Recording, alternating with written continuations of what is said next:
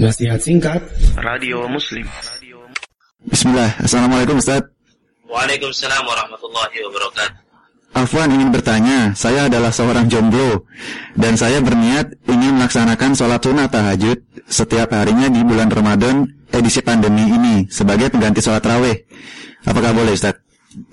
Atau Mas Ustaz?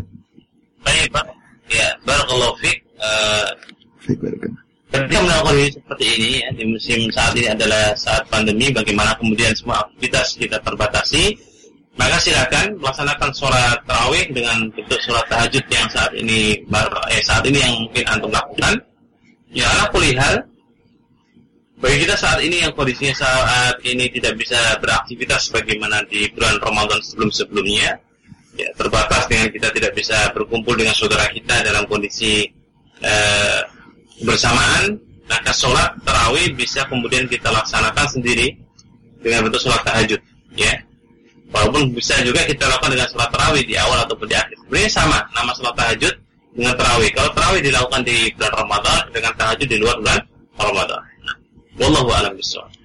Baik Ustaz, syukuran atas penjelasannya Ustaz. Kita lanjut ke penanya berikutnya Ustaz dari pendengar kita di Condong Catur. Kita bacakan. Assalamualaikum Ustaz.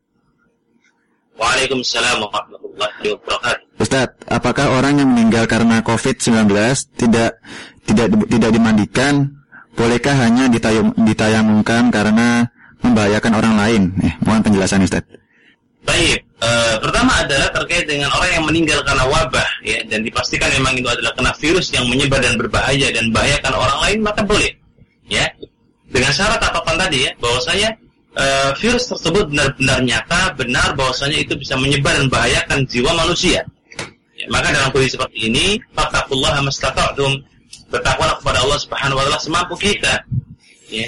Tetapi kalau kemudian masih ya, ihtimal, masih kemungkinan bahkan ma- masih antara iya dan tidak, ya maka lakukanlah sebagaimana eh, kaum muslimin memandikan jenazah saudaranya. Layaknya kemudian dimandikan dengan baik, bagaimana Nabi SAW ketika beliau wafat pun juga kemudian dimandikan, walaupun kemudian yang mandikan adalah para malaikat. Ya, yang artinya apa?